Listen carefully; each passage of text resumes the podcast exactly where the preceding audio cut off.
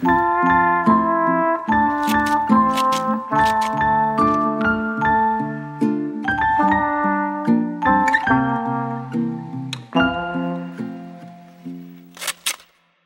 Tanja. Heia, Mari, og velkommen til Sømlepodkast episode 40. Vi har kommet opp i 40-åra her. Og i dag skal vi da altså prate om noe jeg har meget lite kompetanse på. Du har hakket mer kompetanse på. Så vi skal prøve å gi en introduksjon til BH-søm. Ja, det har jo jeg klødd i fingrene etter å snakke om ganske lenge. Det tror jeg folk har fått med seg. det har i hvert fall jeg fått med meg på Zoom. Ja. Og jeg føler jo at folk har blitt veldig engasjert. Når, altså når du har vært såpass engasjert, så har det jo blitt en greie.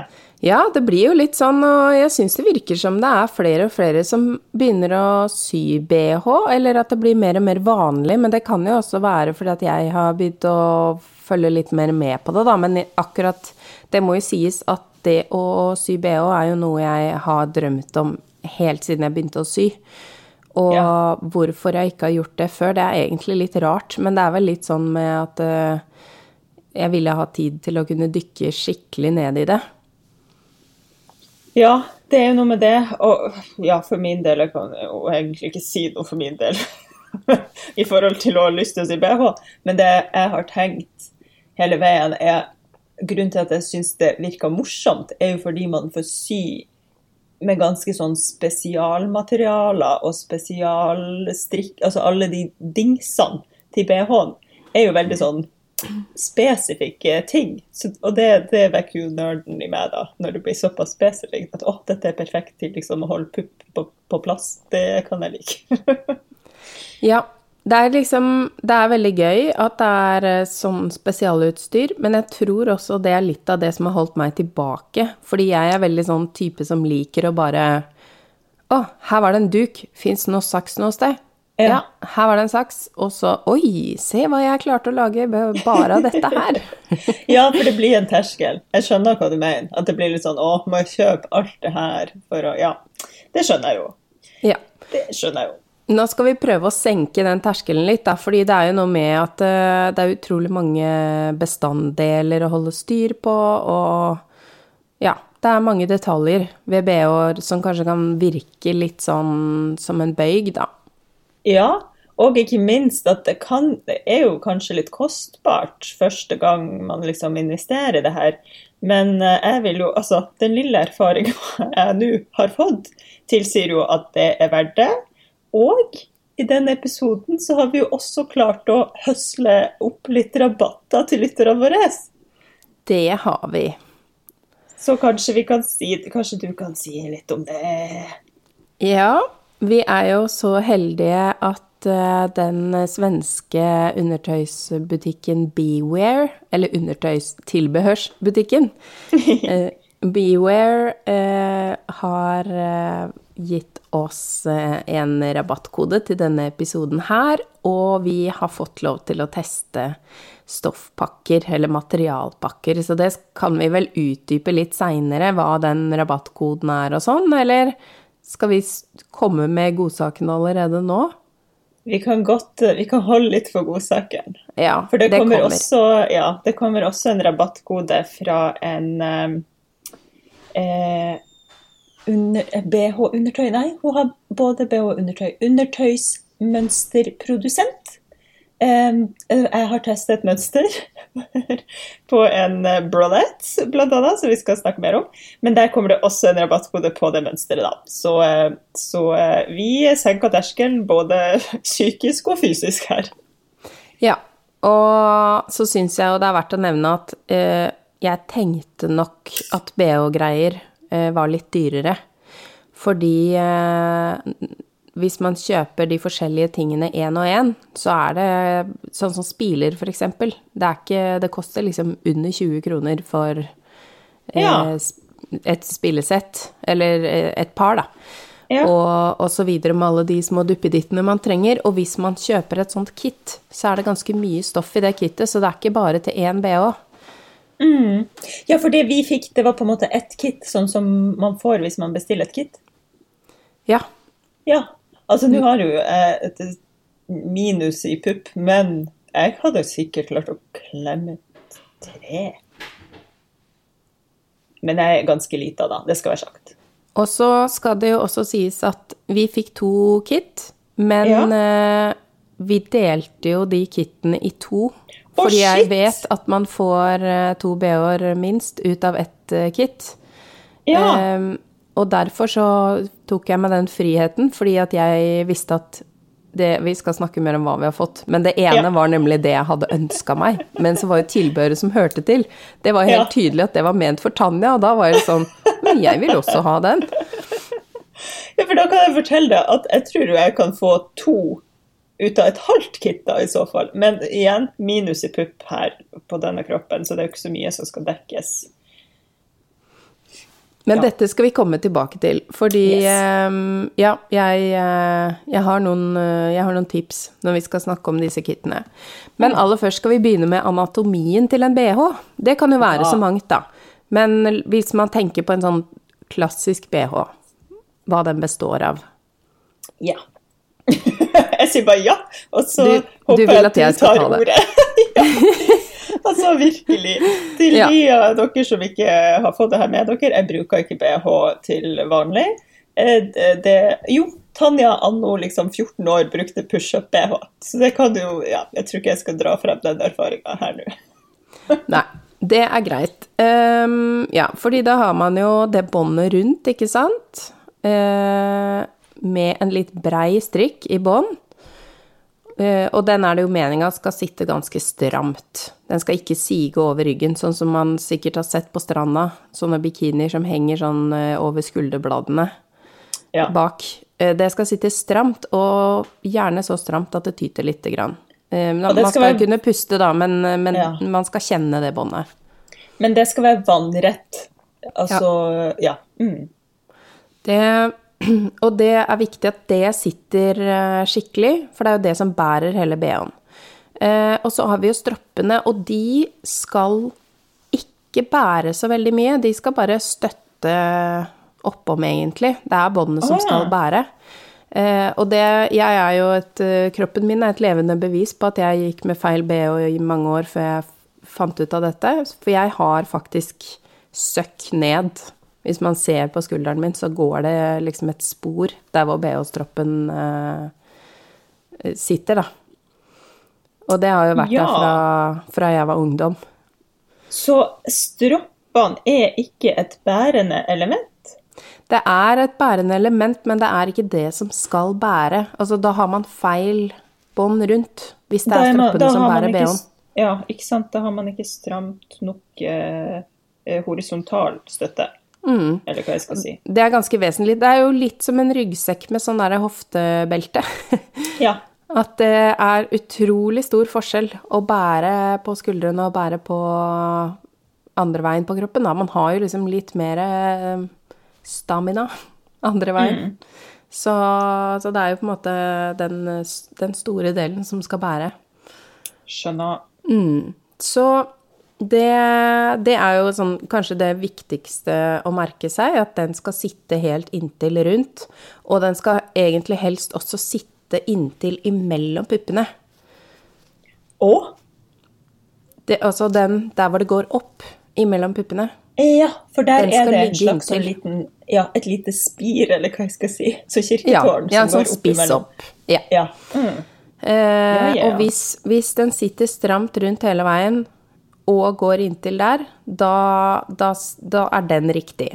Og da kan man på en måte begynne videre da med å finne riktige kopper. Og koppene, det er jo da liksom de som man legger puppene opp i. ja. Det er såpass skal det. Ja.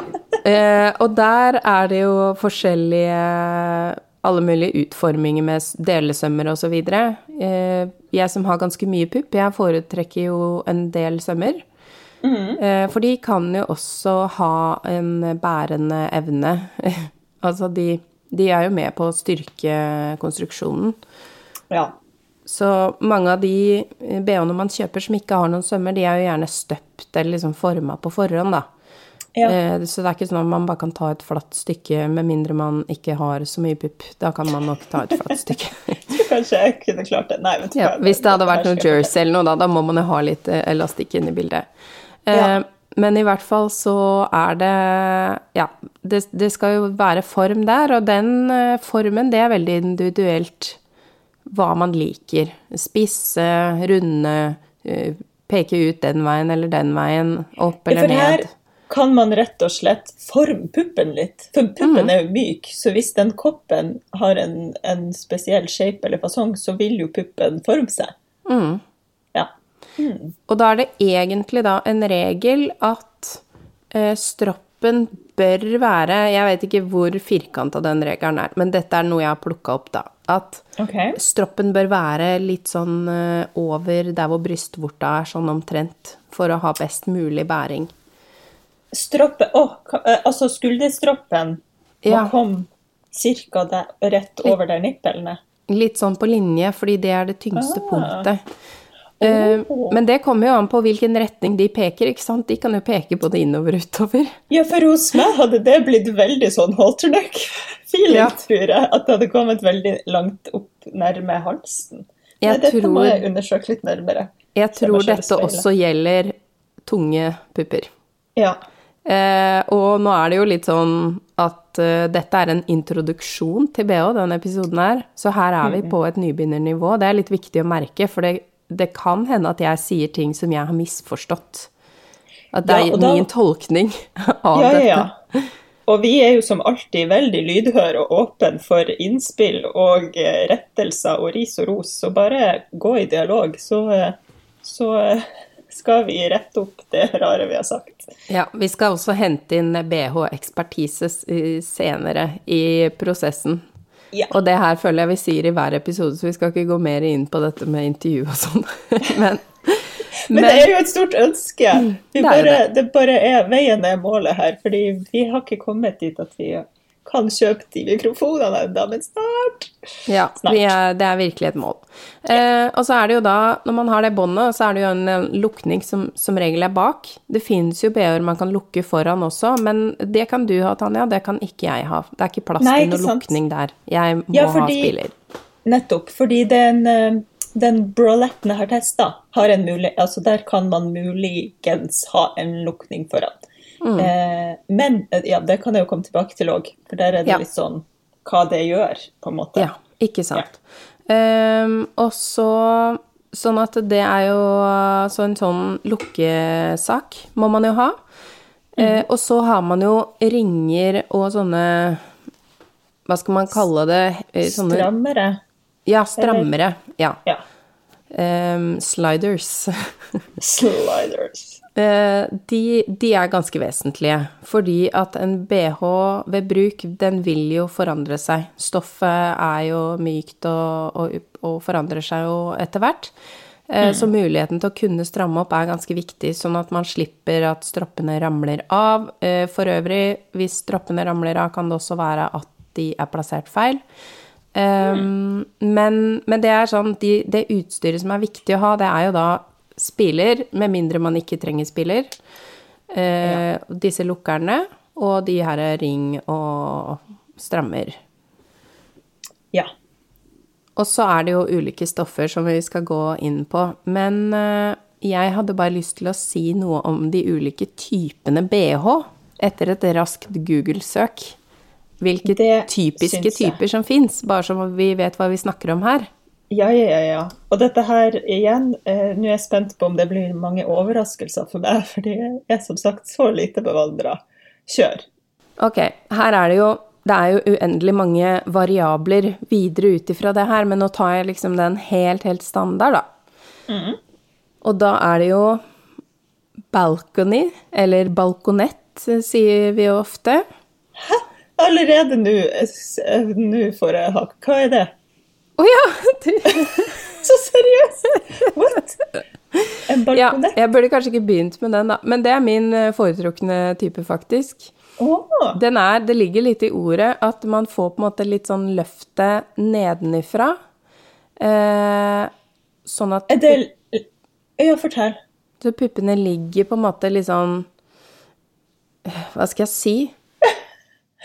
Kan jeg spørre, er det liksom sånn Marie Antoinette-stemning? At det på en måte blir litt sånn uh, rett skjæring over puppen, og så ligger det akkurat som at puppen bare ligger i en sånn, en sånn eske, på en måte. Ja, på en måte. Det er satt litt på spissen, men det er jo det. Det er jo på en måte en balkong for puppene, da. Ja. Og det høres kanskje litt rart ut at det er min favoritt-BH, fordi jeg er ikke noen sånn typisk puppedame, men det, grunnen til at jeg liker den, er det er delelinjene som jeg syns lager en veldig fin form for meg, da. Ah, Hvor Også- går de delelinja? Er det sånn midt, midt i koppen-stemning? Ja, det er, eh, det er en del som ligger eh, på toppen hele veien, på en måte, over. Og så er det en delelinje midt på, med en deling midt på. Så det blir en T, på en måte, da. Å, halleluja. Det, jeg tror jeg skal google balkonett. Men ja, bra. Ja. Kult. Ja, så den har flere deler, og for min del så er det fordelaktig. Og det som gjør Og det er jo flere av typene som har mange delelinjer, men det som gjør at jeg liker den her, er at spilene går høyt opp i midten. Og personlig så vil ikke jeg at puppene skal ligge inntil hverandre. Jeg foretrekker at de holder seg i hver sin avdeling. Ja. Og det får du med en, øh, med en balkonett. Ja. Da tror Ja, å, dette her må googles. For min Der ligger de oppe i hver sin balkong. Det er I naboer. sin Ja, ikke sant. Nabobalkongen. Hyggelig. Ja. ja. Så, og så er det jo da motsetningen som jeg ikke liker, plunge. Det er bare en sånn tynn strek imellom.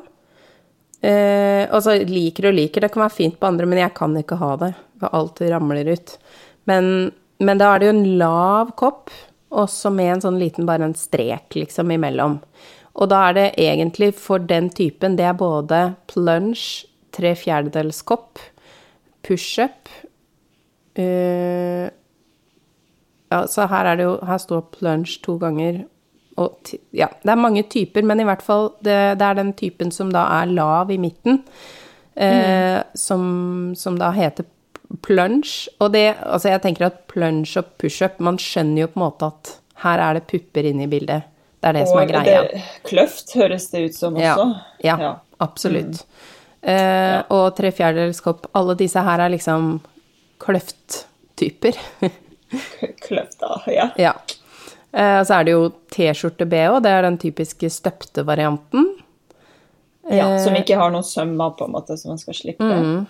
Og så er det full kapp, og det betyr jo egentlig bare Det kan være mange forskjellige typer, men det betyr jo at den dekker hele puppen.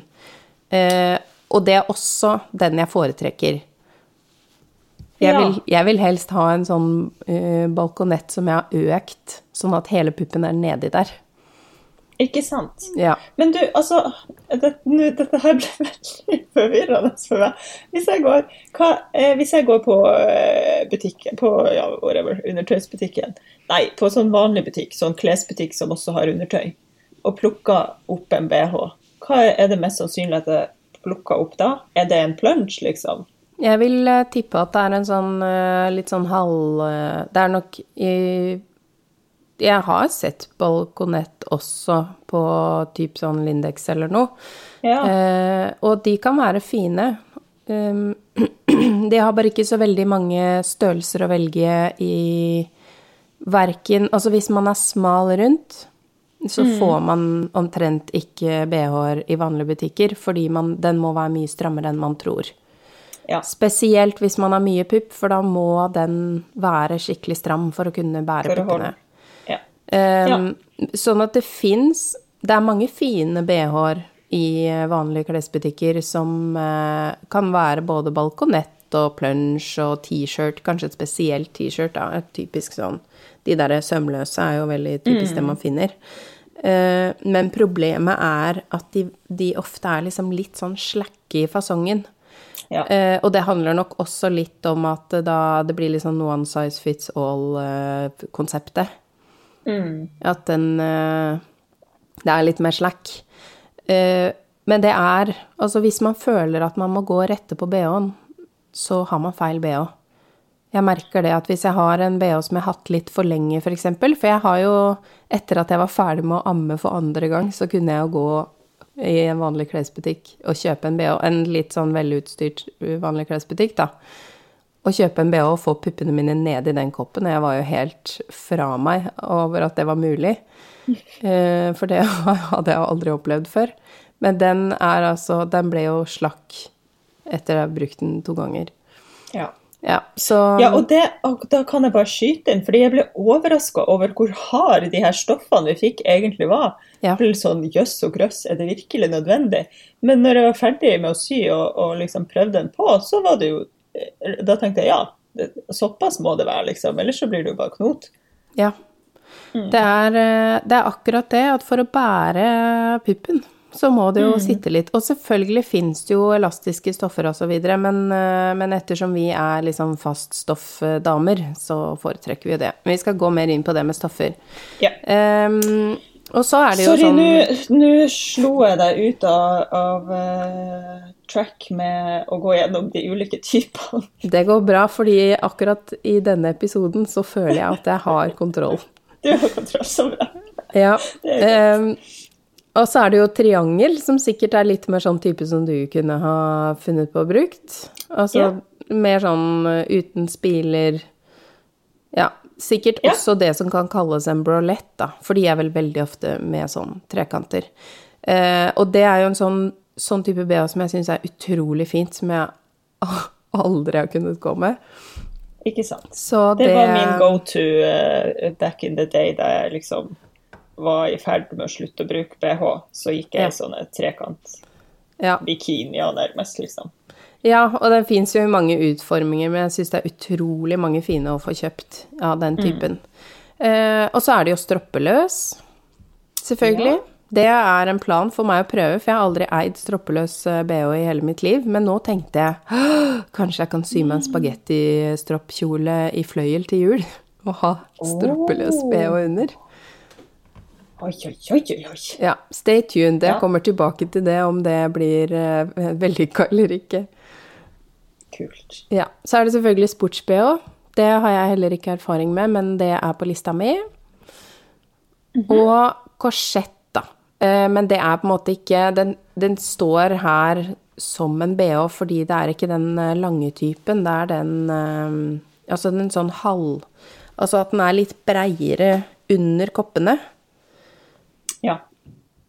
Og det, mm, det navnet skal jeg tenke litt på, fordi at jeg vet egentlig jeg har sett et mønster som har den, øh, den funksjonen som jeg har tenkt at jeg skal prøve til stroppeløs, for da ser jeg for meg at den liksom bærer litt bedre.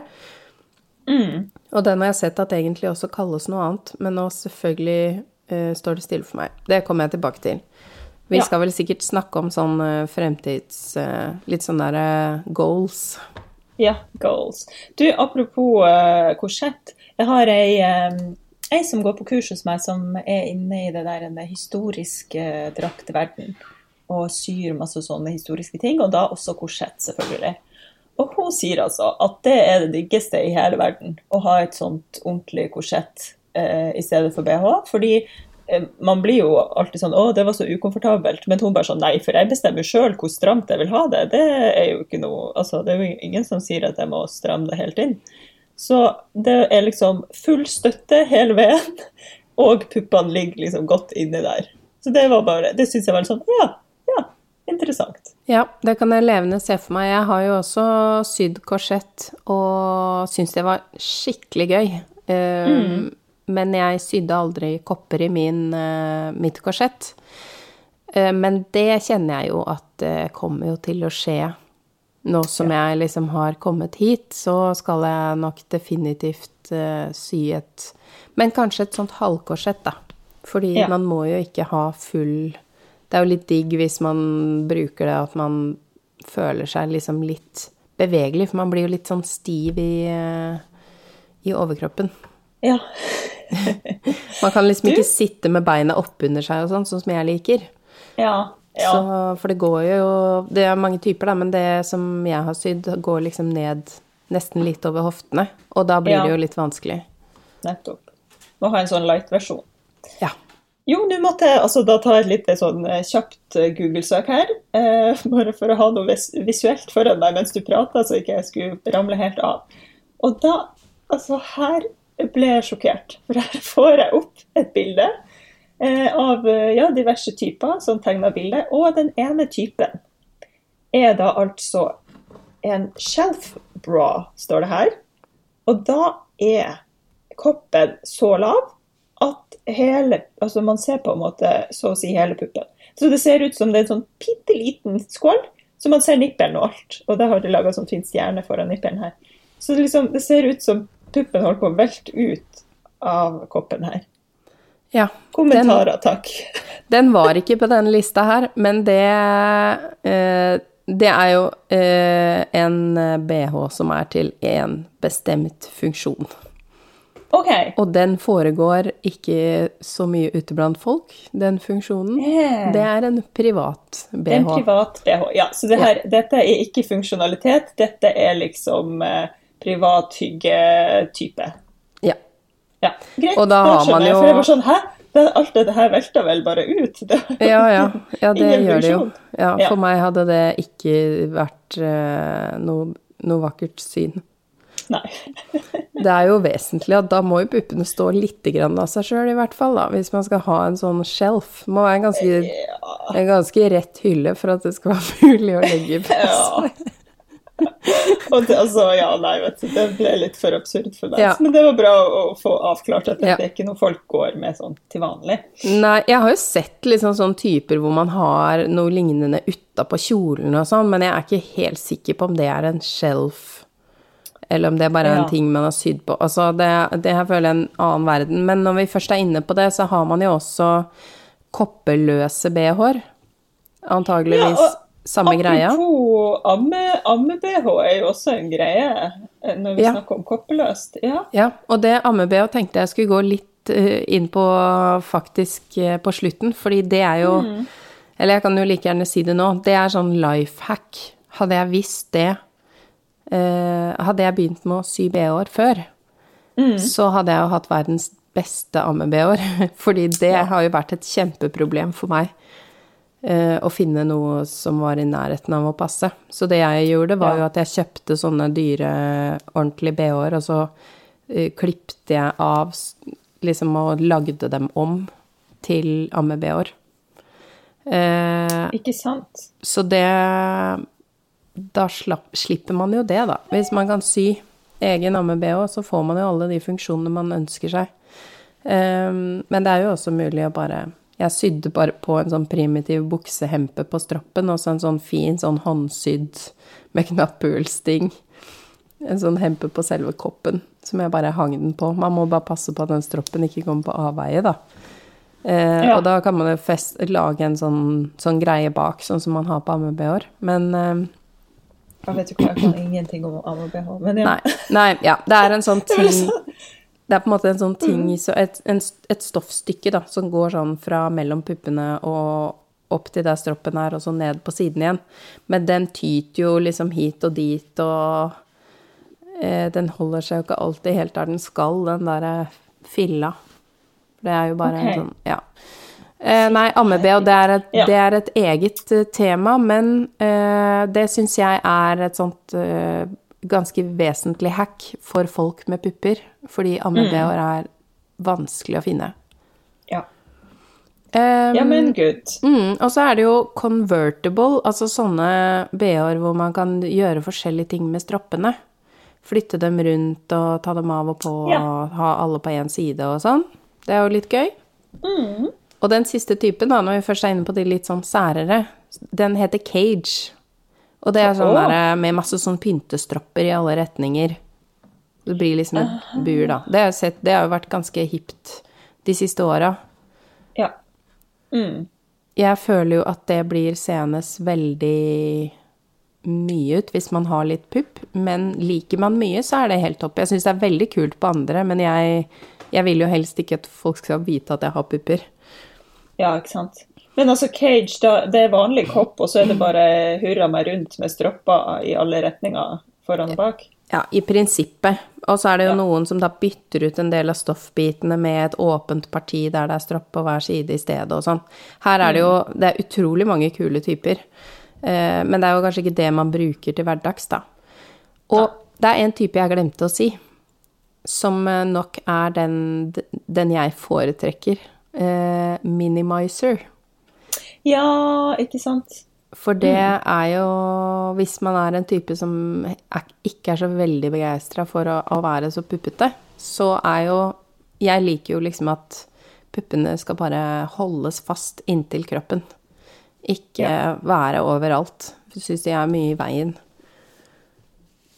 Og vi har jo heller ikke sagt holterneck, du var jo så vidt inne på det, da. Men det er jo liksom plassering av stropp igjen. Ja, og, for, og det jeg lurer litt på, er jo eh, når vi først er inne på Holterneck, man kan vel ha en sånn eh, bryterrygg, skjønner du hva jeg mener jeg sier det? Ja. Ja, at man har den eh, på en måte bryterryggen med kopp, en kopptype man foretrekker, og at det kanskje bærer bedre? Nei, gjør det det? Vet ikke. Når det blir litt mer i ryggen der? Nei. Det kan være Jeg syns det er fint når den eh, Jeg liker veldig godt sånn bryterygg, men den må ikke på en måte gå for mye inn bak. Altså den, den må være brei nok over skuldrene til at den ikke gnager eh, for nærme nakken. Ja. For det er jo også ganske vanlig når man har eh, litt pupp, litt mye pupp, at det kan bli litt sånn nakke- og skulderplager. Ja. Eh, For det, det er jo Ja, det er ikke uvanlig at man kjenner det, for å si det sånn, i rygg og nakke og skuldre, da. Ehm, og så er det jo um, de typene som man kan Altså det fins jo sånn at man kan lage de sånn at stroppene går ned bak og rundt foran til magen og sånne tilbehørsgreier. Ehm, jeg er liksom litt usikker fra et sånt eh, rent BH-faglig perspektiv. Om Ja. det er så veldig bra for BH-en, sånn der stoffene, og jeg føler at det, det blir sånn slitasje i feil retning, og, og egentlig at eh, kanskje puppene også blir eh, dratt litt i rare retninger av det. Skjønner du hva jeg mener med de der Ja. forlenge-tingene? Ja, jeg, jeg føler vel at det er mer show og mindre Ja. praktisk, på en måte. Ja. Så der, men jeg har eh, For det er noe jeg alltid har vært veldig interessert i, sånn hvordan man kan ha åpen rygg på ting. For det har jeg aldri følt jeg kan ha, siden jeg må ha den BH-stroppen bak. Mm. men det er jeg veldig interessert i, da, å finne ut av denne Det er jo long line bra, ser jeg også at de kaller denne her, eh, som er litt sånn korsettaktig bånd. Ja. Jeg tenker jo at det kan være en løsning, det der når man får det løftet over en, en, et større område nedenifra. At det kanskje kan være en løsning, da. For den åpne ryggen. Ok, men um, nå har vi jo snakka veldig mye om de typene her. ja, det ble virkelig langt og lenge. Skal vi se. La oss gå videre. Ja, så jeg var jo så vidt inne på det der å ta mål og finne størrelser. Yes. Ehm, og da er det jo aller først å finne den størrelsen på det båndet. Da må man ta mål under puppene. Mm. Kan jeg bare uh, spørre der, fordi altså Hos meg er det jo et ganske sånn heftig innsøkk mellom puppene. Jeg vet, hvis jeg skulle sydd en sånn vanlig sak som går opp i den der spissen imellom Jeg vet ikke om den noen gang hadde ligget inntil. Altså Der er det akkurat som at ribbekassa mi bare har, har gått dypt inn i seg sjøl. Så man må liksom ganske langt inn for å komme seg inntil kroppen akkurat imellom der. Ja, man må jo det på noen eh, Og det er jo eh, Og brystkasser er jo laget på forskjellig måte, så Men jeg innbiller meg Det kan hende dette er feil. Jeg innbiller meg at jo mer pupp man har, jo mindre er sannsynligheten for at det går veldig, veldig inn der. At da Det er det kanskje litt fett oppå der òg, uten at jeg har sett alle pupper og brystkasser der Ja. ute. Det er jo et godt poeng. Godt poeng. Ja. Mhm. Yes, så først måler man under der. Og det er jo Her syns jeg det er vesentlig å nevne at den skal være stram. Eh, Ja. Og når man skal klippe ut de bitene, det skal se smått ut. For det er, det er ganske mye elastikk inne i bildet. Vi kommer tilbake til det når vi snakker om den pakka, hva som finner, finnes oppi pakka. Um, og når det båndet passer, så må man jo finne riktig spiler. Eller riktig koppstørrelse, da, om man skal ha spiller eller ikke. Spiller Ja. ikke så stor rolle, men det er ikke så lett kanskje alltid å vite hva slags koppstørrelse man skal ha, og det, det finner man en formel på der hvor man kjøper mønstre. At du skal på en måte ha differansen mellom målet over puppen og, Altså over puppen på kroppen, ikke rundt puppen, og så overvidden, altså over eh, selve puppene og rundt bak. Mm. Og så er det en differanse mellom de. Eh, Og så- og, og det båndet er vel også med Spiller vel også Ja, en rolle her. Ja, fordi da kan jeg jo dele at i det mønsteret jeg testa, da skulle Ja. jeg måle rett under, der mm. båndet er. Ja. Og så skulle jeg måle liksom bysten, sånn vanlig, der den er på sitt eh, største. eh, Horisontalt rett over der. Og så var det den differansen, for det her var jo da en brolette som på en måte gikk opp i en sånn eh, ja, eh, trekant oppover. ja. Em, og da, da Altså, min differanse skulle tilsi at jeg var en B-kopp. Eh, og det nekta jo jeg å tro, så jeg tenkte nei, er en A-kopp. Det er jo ikke snakk om at jeg er en B-kopp. Eh, Så da sydde jeg jo en A-kopp. Men jeg tror kanskje jeg skulle ha stola litt mer på, eh, på eh, det jeg ble fortalt av mønsterprodusenten her. Fordi altså, da jeg begynte å sy den, og bare sydde sammen liksom, de to delene som var liksom nedre del av koppen, så tenkte jeg sånn åh, Christ on a bike, er liksom puppene mine for små for den minste koppen tilgjengelig her? Når jeg bare la den sånn inntil, da virka det så stort. Men så fortsatte jeg nå, og når hele var sydd sammen, og jeg tok den på meg, så er det faktisk litt sånn tyt. Altså akkurat Skjønner du hva jeg mener? Mm. Akkurat der den um, skjæringa i front går, der kanten foran på trekanten går, i liksom uh, utringninga, der tyter puppen min litt. Så da tror jeg kanskje jeg burde ha tatt B-kopp. Ja, det er interessant. For det, det høres jo mye ut for en som beskriver seg selv som en uten pupper. At Ja. du da er en B-kopp og ikke en A-kopp. Det er litt Kanskje, rart. kanskje jeg undervurderer puppene mine veldig, men altså, jeg syns ikke at det er problematisk å gå uten BH. Um, men et, her må jeg jo også bare si og spekulere i at mønsterprodusentene bestemmer vel sjøl hva som er en A-kopp, en B-kopp og en C-kopp. Altså, for her, hun deler opp i veldig mange kopper, og hun har jo størrelser ned til ekstra small. Jeg en, var en small, så det, jeg kunne Ja. faktisk hatt det enda mindre enn det. Eh, og det hadde jeg jo ikke passa inn i. Så hun har veldig sånn Det går jo liksom fra ekstra small til 4XL, så hun har veldig store Et stort eh, Hva heter det? Range. Spekter. Ja. Spekter, takk, av størrelser.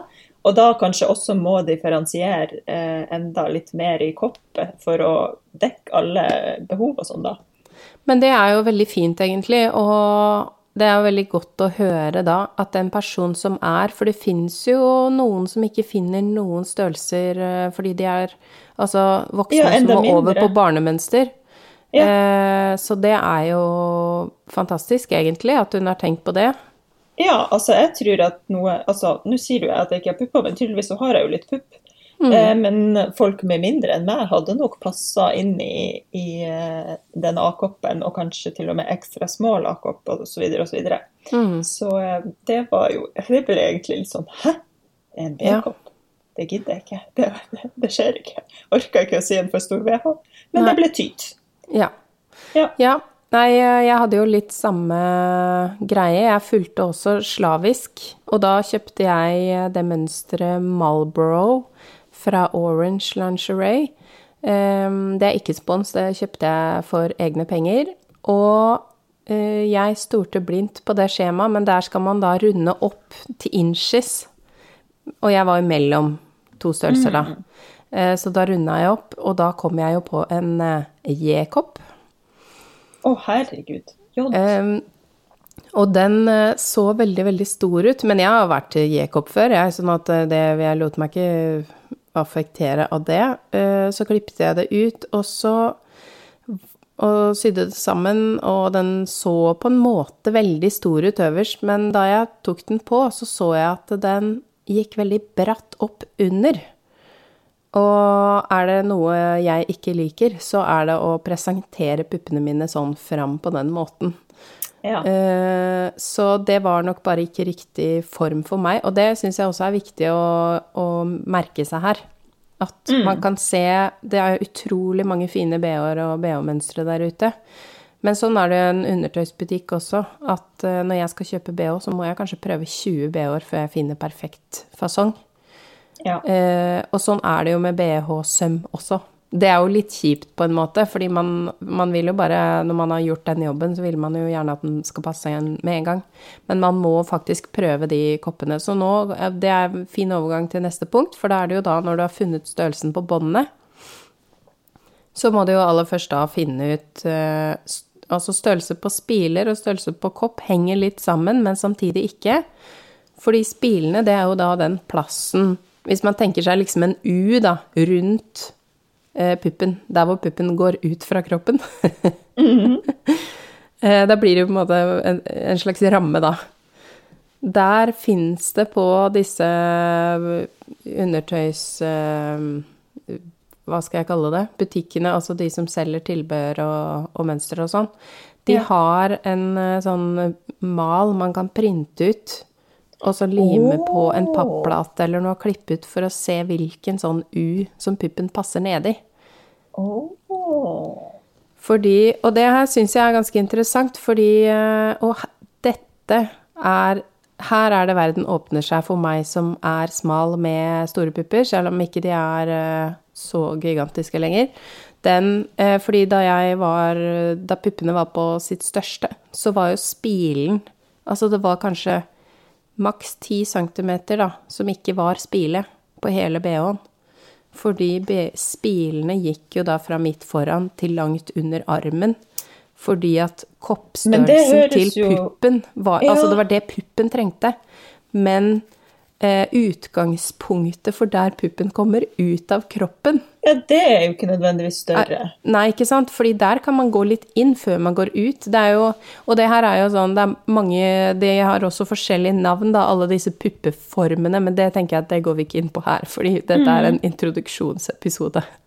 Ja. Um, og det er litt for viderekommende om man har omegapupp, eller om man har videre. Jeg, jeg, er ikke, jeg er ikke der, jeg heller, men jeg husker akkurat omega, for det syns jeg er gøy hvis man ser for seg Det omegasymbolet. ja. Om puppen ser sånn ut når den henger ned. Det er da. Den går liksom litt inn før den går ut. Jeg var ikke fremst i køa da omegapuppen ble utdelt. tror i Ja, i hvert fall så eh, Sånn at for min del, da, at jeg kunne finne en spile som gikk inntil på akkurat bare der hvor puppen er, og ikke langt eh, nesten eh, på baksiden av kroppen, på en måte. Eh, og så kan man fordele stoffet innafor der. Sånn at spile og kopp, de to størrelsene, det er faktisk forskjellige ting. Men Ja. spilen og altså båndet Det er jo også en åpning i det båndet til spila. Så det er, det er disse tingene som gjør det vanskelig å komme i gang med BH-søm. Eh, og det jeg tenker, er at hvis man har en god BH, så man vet at det er en ordentlig god BH, så Ja. kan det jo være litt hjelpsomt å kikke litt på den. Eh, For det første, kikke litt sånn etter kriteriene. Sitter båndet inntil der? Ok, det gjør det. Eh, Sitter spila sånn og sånn rundt puppen, osv. Altså prøve å ha den litt som mal. Men kroppen er jo egentlig malen, da. Men hvis Ja. man skal begynne med BH, så er det kanskje fint å være to stykker som samarbeider litt grann om, eh, om denne innprøvingen og eh, For å se litt, da. Men, men det man gjør da, at man først kan lage seg et sånt prøvebånd, og så finne ut av det her med spiller, og når de tingene er på plass, så kan man begynne å teste ut koppstørrelser og sy i dette prøvebåndet, og prøve det med spiler i, og modellere seg fram, da, hvis man må justere litt. Jeg har jo en stor og en liten pupp, eller en, en, en stor og en litt større. Og eh, da har jeg f.eks. prøvd meg på liksom, hva skjer hvis jeg har en av hver type kopp. Hvis den ene er, Ja. faktisk er litt mindre enn den andre.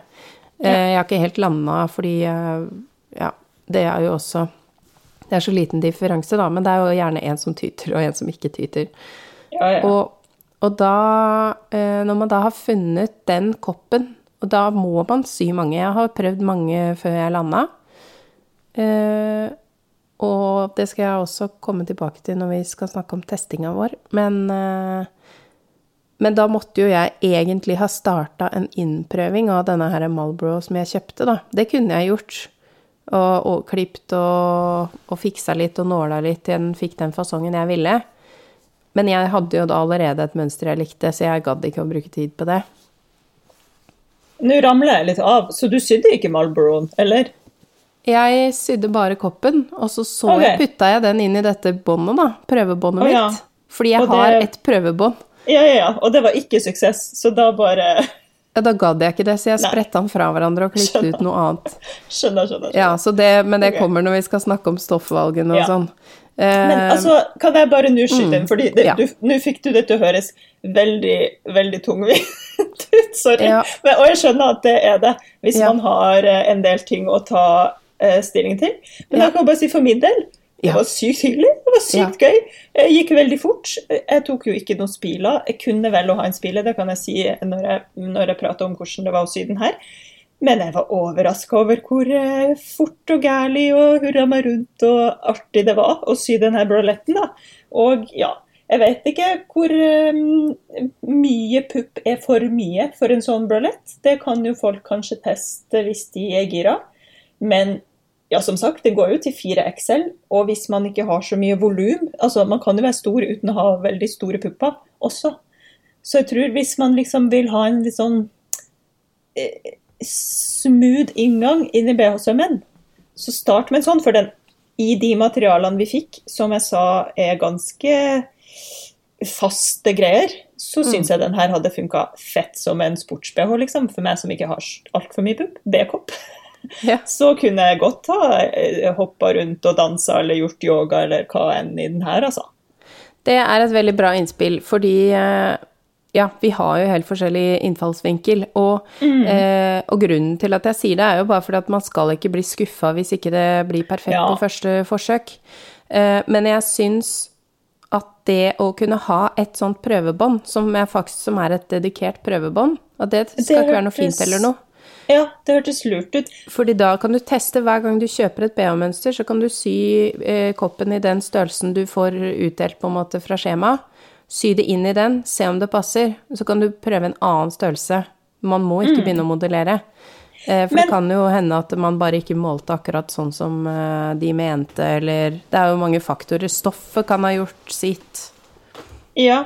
Spørsmål der. Er prøv... Hvordan stoff er prøvebåndet ditt i? Har du bare sydd det i en fast lerret, liksom, eller hva har du sydd det? Nei, det er i eh, den, dette undertøysstoffet. okay. Så det er i den duopleksen, duoplexen, da, som det stoffet heter, som vi, eh, vi har også fått i pakka vår. Det, Ja. mm, Og så med en sånn derre power mesh bak. Det er den Ja, så det er eh, ordentlig, det sånn at du får feelingen, liksom. Ordentlig ja, feeling. ja, den, er, den er- har eh, sånne kanaler til spiler, så jeg tar inn og ut spilene, da, fordi man kan jo ikke sy med spilene i, i den sykoppen med spillene i.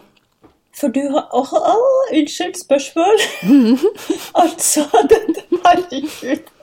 Dette båndet, det er det som har kanalene til spillene. Spillene sitter på en måte i båndet, ikke i koppen. Ja. Så man syr og, og det som er litt sånn vesentlig da med dette prøvebåndet, er at det er sydd i en annen rekkefølge, sånn at sømrommet til koppen er eh, på en måte stikker ut forbi det kanalbåndet. Men på en ferdig BH så syr man jo kanalbåndet oppå de sømmene, al- altså oppå sømrommet, sånn at det blir skjult. Det blir en mye penere finish. Så det er jo derfor det prøvebåndet aldri vil bli noe mer enn et prøvebånd. Men yes. uh, jeg som er i den uh, eksperimenteringsfasen, syns det er veldig fint å ha mulighet til å ta ting inn og ut av det prøvebåndet. Så, og nå er det jo opp, kanskje litt vesentlig å nevne at uh, min eh, venninne og kollega Marianne er jo, det er jo hun som har laget dette prøvebåndet til meg, for jeg tok meg liksom aldri tid til å begynne. Og hun var litt sånn La meg bare måle deg. Ja, her har du et prøvebånd. Det plutselig kom hun med det en dag, og da klarte jo ikke jeg å la være. Da måtte jeg jo begynne.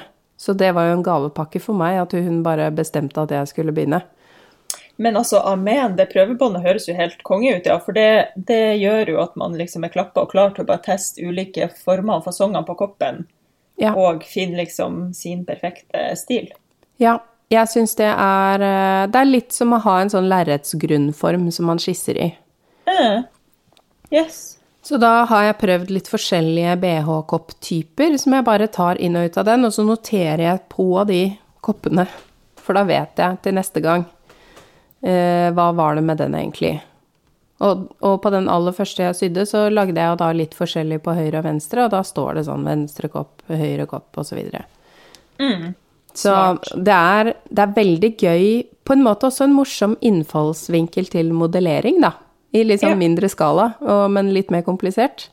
Eh, Men det der om man vil ha spisse pupper eller runde pupper og oppover eller nedover osv., det er jo Ja, så det som jeg veldig ofte har gjort, er at jeg har endt opp med å, på en måte forhøye koppen og, og sørge for å ha noe som holder ting på plass i toppen. Jeg vil ikke ha, vil ikke ha noe tyt. Ikke noe bjuda på kopp, liksom. Jeg er veldig lite raus på det der. ja, sånn at det er liksom vesentlig, og jeg syns det som var litt vanskelig med å velge størrelse, er jo det med inches. For det er, ikke, Ja. det er jo veldig mye utenlandske mønster når det gjelder eh, BH. Det er ikke så stort i Norge enda. Jeg sier enda, for jeg tenker at eh, det kommer. Eh, ja, sånn at uh, bare det at det skal liksom sitte skikkelig er jo vesentlig. Men nå føler jeg at vi må hoppe inn i denne pakka, eller? Og aller Ja. først eh, skal jeg kanskje si før man da For nå skal vi snakke om eh, litt forskjellige stoffer og sånn, og hva vi fikk, og hva annet som fins. Mm. men en ting som ikke var i pakka, men som er viktig, det er jo nåler. Hva slags nåler man skal bruke. Fordi hvis man velger feil type nåler her, så får man lett hoppesting. Ja. Og det, eh, det har jeg erfart, i hvert fall. Amen. Altså, eh, igjen, nok en gang, dette er sikkert tiende gangen jeg sier det, ble sjokkert over hvor eh, hard, hardt vevd eh, disse stoffene var. Så jeg hadde jo da ikke utstyrt meg med en sånn ordentlig god eh, mikrotekstnål. Så det var det, Maskina mi var ikke så glad. Når, eh, I hvert fall ikke i starten, liksom. Når man skal begynne, så var det så lett at jeg fikk hele stoffet nedi inn i stingplata fordi Ja. nåla ikke gikk ordentlig gjennom, man bare dytta stoffet ned. Men jeg, jeg fikk eh, dreisen på det etter hvert, altså. Men viktig med bra nål, altså. Eller riktig nål. Ja, eh, og da er det jo Mikrotex-nåler som eh, blir anbefalt, da, men også de tynneste nålene er eh, De hjelper. Og man kan forberede seg på at man kanskje knekker noen nåler, ettersom det er litt sånn ting man kan komme borti etter hvert når spillene er satt i osv. Mm. Men, men de Mikrotex-nålene er verdt å kjøpe til det. Og så kan man jo da ta den Jeg oppbevarer de nålene sammen med undertøystingene. Og Ja. hvis jeg, sånn som jeg har sagt, at jeg syr jo litt BH innimellom. Eh, sånn at når jeg har sydd i et kvarter på en BH og skal gå og gjøre noe annet, så tar jeg ut den nåla igjen, og så setter jeg den på BH-en. Sånn at den symaskinnåla sitter i prosjektet I, mitt. I prosjektet. Ja, ja, For da er den klar. Og så blir det ikke så mye sløsing av nåler. Yes, yes, yes, ja. yes. Viktig, det, viktig. det er faktisk litt grann vesentlig, for det, um, det Ja. er forskjell. Um, og så er det jo, i den pakka som vi fikk, så er det jo den typen som heter uh, Duoplex. Um, det er også noe som heter uh, undertøyssateng, men det har ikke jeg prøvd. Jeg har kun drevet med dette Jeg tror Eller den, det som vi har fått, ser veldig ut som det andre jeg har, og det heter Duoplex, det andre jeg har.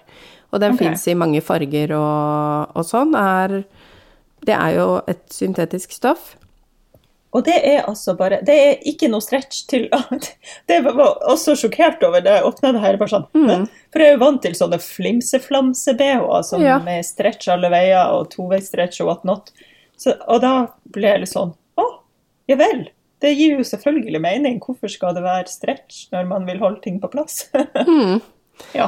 Ja, det er, jo, det er jo det, og det er et strikka stoff, men, eh, men det er overraskende fast.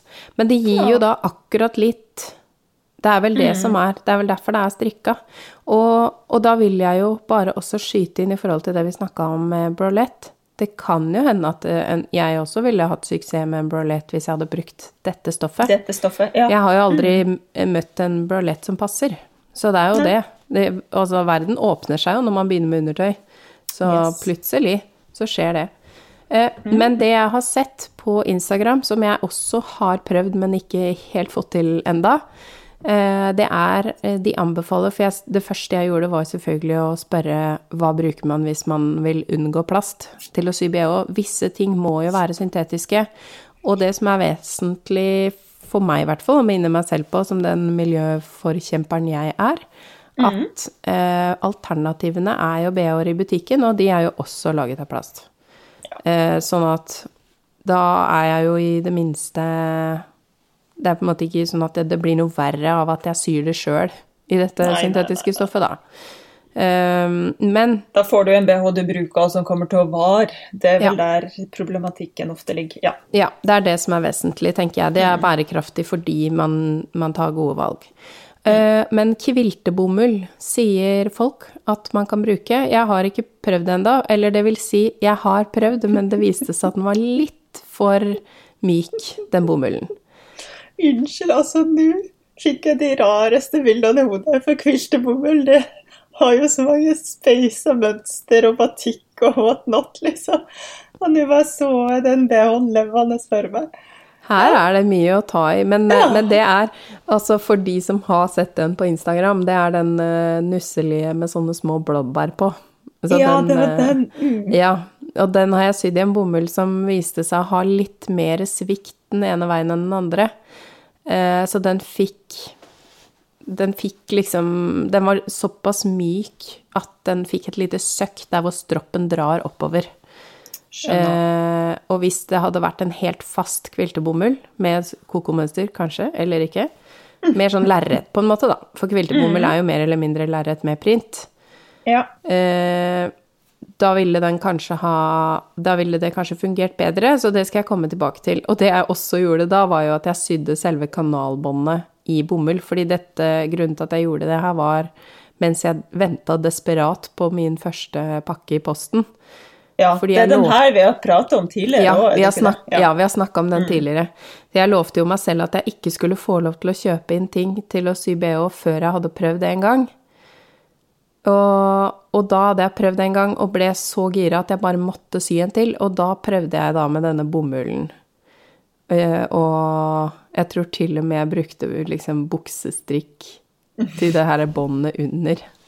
Kan vi egentlig bare konkludere med at det var eh, ukas feil fra deg, Mari? Eh, ja, jeg, jeg tror kanskje Det kan godt hende det kommer en feil til, Ja, det skal jeg tenke ut. Men, eh, men det var i hvert fall eh, Det var et eksperiment som gikk mye bedre enn det kunne ha gjort. Eh, Marianne, da, min BH-mentor, var helt sjokkert over at jeg hadde klart å sy en BH på den måten jeg hadde gjort. For jeg hadde ikke power mesh heller, så jeg brukte jo bomull på hele greia. Eh, Så den strikken er jo stramma noe så voldsomt for å kompensere.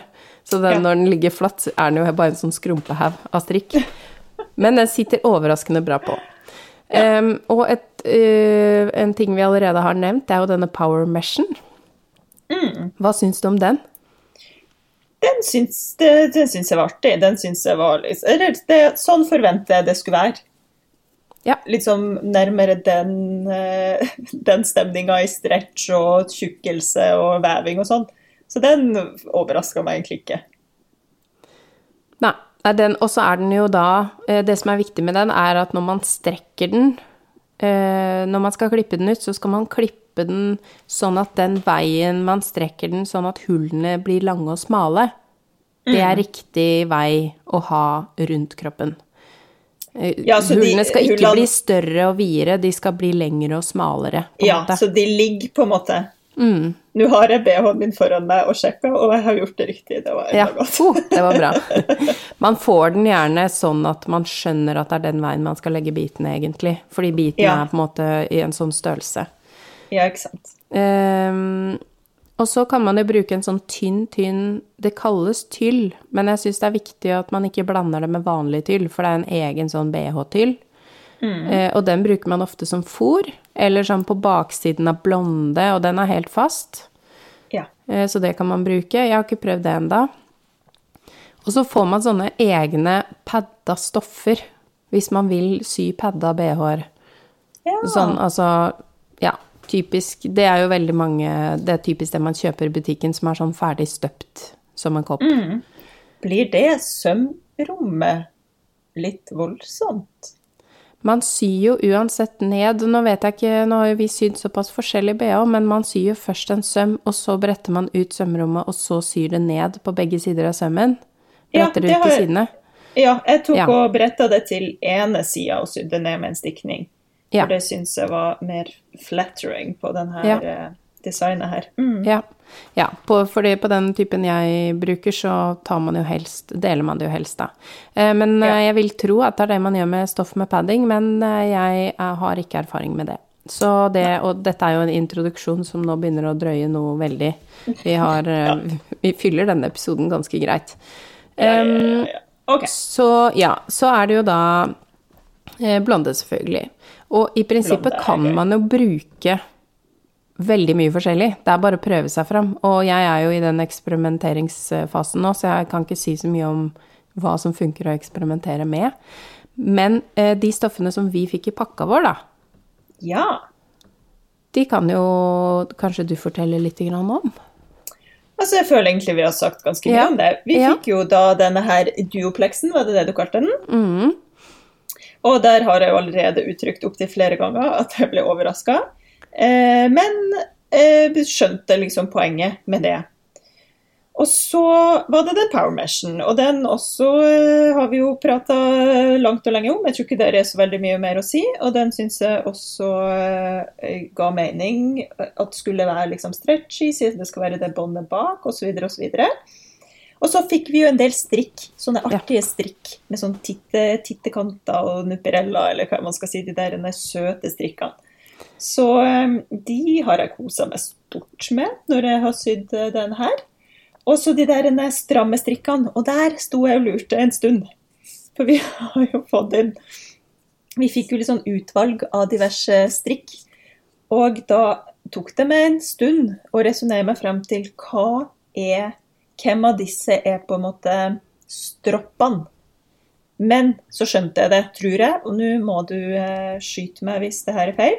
Jeg fant noen bånd som var sånn pusete på den ene sida og glatt på den andre. Og da tenkte jeg dette må være stroppene, for de skal liksom pus, være pusete mot kroppen og glatt. Og kunne skli gjennom den strammeren, slideren. Var dette feil? Nei, det var, det var det jeg hinta til. Det var de tingene her jeg ville at du skulle beskrive. de. Ja, ja, ja, ja, men da gjorde jeg jo det. Mm. Ja. Uh, ja, jeg syns det høres ut som du tok riktig til stropp, og spesielt hvis den passa inn i denne strammeren. Ja, passer perfekt i det samme. Eh, Ja, for i et sånt kit så får man jo Da kan man jo velge ulike bredder på de tingene her. Og det var jo uh, For å røpe litt om eh, selve kitene vi fikk, da fikk vi to av de nyeste som, pakkene som de hadde inne. Og det var jo et nydelig leopardmønster i, i grønn, svart og hvitt. Som jeg Jeg elsker jo sånn mørkegrønn, og er veldig svak for uh, leopardmønster. Det er sånn guilty pleasure jeg har. Så jeg hadde sikla på det kittet allerede. Har du sydd i det stoffet nå, i det mønsteret der? Nei, vet du hva, jeg har for anledningen klippet ut så det ligger klart, for jeg må jo ha sydd det før episoden kommer ut, sånn at jeg kan legge ut bilder på Instagram. Yes. Og jeg har sydd i den andre, og det, ja, det skal jeg komme tilbake til, men det var jo da den eh, eh, Så den første som jeg sydde, det var i det lilla stoffet med rosa print, og så rosa detaljer. Og, Ja, for det fikk vi også. Det var det andre, og det Mm. var jo litt sånn Jeg fikk litt sånn Coachella-vibes av det her. Det var litt sånn psykedelisk eh, eh, festivalstemning. Og vet du, jeg kjente litt sånn Dette blir rart. Men så når jeg hadde sydd den ferdig, så tenkte jeg sånn Dette ble kult. Ja, men det, det er litt rart, fordi sånn, sånn kan det jo veldig ofte være med stoffer, at man ikke helt klarer å se det for seg, og spesielt da fordi når man ikke har valgt stoffet selv, det er jo det som er litt kult med at uh, Bodil fra Beware ja. sendte oss uh, disse tingene her. Uh, for da er det sånn Oi! For det første ble jeg jo veldig glad for at jeg fikk det jeg faktisk ønska meg, da, men i tillegg at det var sånn Oi, skal jeg lage noe av det her? Så, så spennende, for det var jo Det er jo ikke det jeg hadde valgt selv. Eh, Men jeg syns også det ble veldig fint. Og eh, det som var gøy, da, var at de pakkene kom jo med For da er det én pose hvor det står 15 millimeter, tror jeg.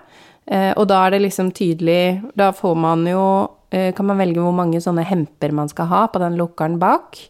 Eh, og det er jo gjerne ut ifra hvor mye bæring man trenger, da, og om man vil ha et bredt eller smalt bånd. Ja. Ja. Og så var det en pakke med, med stropper og, og sånn i de breddene, da. Og da var det jo helt tydelig for meg at uh, det var planlagt at den uh, leopardpakka var jo til deg. For det var jeg, tynneste, tynneste stropper og sånn. ja, og Ja. jeg ville jo gjerne ha den, så da Men siden jeg da visste at det er så mye stoff i disse pakkene, så tok jeg meg friheten av å dele stoffene på midten, og de tingene jeg visste at kunne deles på midten, delte jeg på midten, men eh, det var jo Jeg delte jo ikke alt på midten, fordi noen ting trengte jo Det er jo det som er at eh, Sånn som strappene og lukk Altså, det er jo ett kit som følger med i det, i det settet. Men så kan man kjøpe ekstra kits ved siden av med bare alle stropper og, og hemper og sånn. Og de små tingene, ja. Ja, og det er kjempelurt. Hvis man bestiller ett sånt kit da, fra Beware, så bør man bestille to eller tre sånne tilbehørskit i tillegg. Og spiler må man også bestille ved siden av, siden ikke alle trenger det. Ja. Eh, Bare sånn så ikke vi glemmer å si det, men da, da klarte jeg å lure til meg så det ble en eh, leopard-BH likevel, da. Det var bra. Det var lurt. Jeg sydde jo òg min første i det der lilla, lilla rosa psykedeliske stoffet. Veldig fornøyd. Eh, og det var vel mest fordi jeg også falt litt for den leoparden, og så tenkte jeg hvis det går helt skeis her nå første gang jeg skal sy det her, eh, så vil jeg teste i det stoffet jeg tenker liksom kanskje det som er meg minst, og så gjøre meg noen erfaringer, og så sy leoparden. Men det ble jo bare suksess fra ende til annen med en gang, følte jeg. Ja, Nå var jeg veldig høy i hatten, men det ble det, altså. Ja, det er faktisk lov å være fornøyd, og jeg ble også megafornøyd med selve utseendet på BH-en, og den ble helt perfekt, og det jeg endte med å gjøre, var faktisk å klippe fra hverandre en av mine favoritt-BH-er, fordi den hadde faktisk fått et lite hull, og da var det liksom ja, hvor mange år har jeg brukt den BH-en? Jeg har jo hatt et mål om å begynne å sy i mange år, så derfor har jeg liksom hatt litt kjøpestopp, sånn at jeg ble nødt til å begynne å sy. Ja. Eh, Så da den klippte jeg fra hverandre, og så la jeg delene oppå stoffet, og så klippte jeg ut av stoffet. Det var litt crazy, men da, da la jeg det jo bare rett oppå de bitene fra den BH-en som ikke ble noe suksess. Eh, Så jeg hadde jo ikke så mye å tape, på en måte. Nei. Men, men den ble megafin, men det ble for mye skvalp på de puppene hos meg. Rett og slett. Ja. Er det noe Du kan kanskje ikke relatere til hva det betyr, men, eh, men eh, det er litt sånn at eh, når, man, når jeg bøyer meg ned, da vil jeg ikke at puppene på en måte skal være på avveie. Nei, ikke Og der er folk Ja. forskjellige, da, men jeg får helt sånn Jeg vil gjerne at de bare skal være, ligge helt stille hele tiden. Ja. Mm. Så ja, det har jeg jo jeg har aldri opplevd at noe skvalper over her, men, men jeg kan Jeg tror jeg kan skjønne, altså. Jeg kan skjønne Ja. at jeg også hadde syntes det var ubehagelig. Ja. For da vil man jo liksom ja, holde igjen. Ja, ja, så jeg føler det ble litt sånn soveromsbh, den der. Men, eh, men den ble veldig vakker, så jeg skal absolutt eh, legge ut bilde. Mm. Men det, for, å, for å klarere litt av forskjellen på de strikkene, bør vi jo kanskje kjapt uh, si Det får man nok litt instruks i i de, de forskjellige mønstrene man kjøper. Ja. Men uh, da er det jo Fordi det er jo en litt brei med tittekant. Den er ment å være rundt eh, uh, ribbekassa, holdt jeg på å si, til det båndet under. ja. Og så er det jo en med tittekant som ligner på det båndet rundt eh, nede. Og den skal være langs buen, altså fra armhulen Eller egentlig fra bak, der hvor stroppen kommer opp, og rundt til armhulen og opp til der hvor stroppen kommer opp på forstykket. Fordi den skal liksom bøyes etter, eh, så man får litt sånn holdning der hvor puppen kommer ut. For der skal den jo stramme litt inn igjen, sånn at den, så man ikke får sånn tyt under armen, og puppen eh, har lyst til å si hallo. Å ja, for det kan skje. Ja. Mhm. Det, det kan skje. Eh, Ja. Så det er den som ligner på det båndet. Den skal der. Og den litt sånn mer nusselige, nuperelleaktige kanten, eller blonden, eller hva som helst, da. Man kan jo egentlig velge bare hva man vil som er pent foran. Ja. Det skal Eh, gå liksom i skjæringa i front. Ja. Og Ja. den er det nok til flere av. Å, herregud, nå kjente jeg at eh, jeg besto en eksamen her. For nå Ja. sitter jeg og ser på min BH og bare Har jeg gjort det sånn? Ja, det har jeg. Du har gjort det sånn. Ja, og det er jo det som er litt gøy. Ja.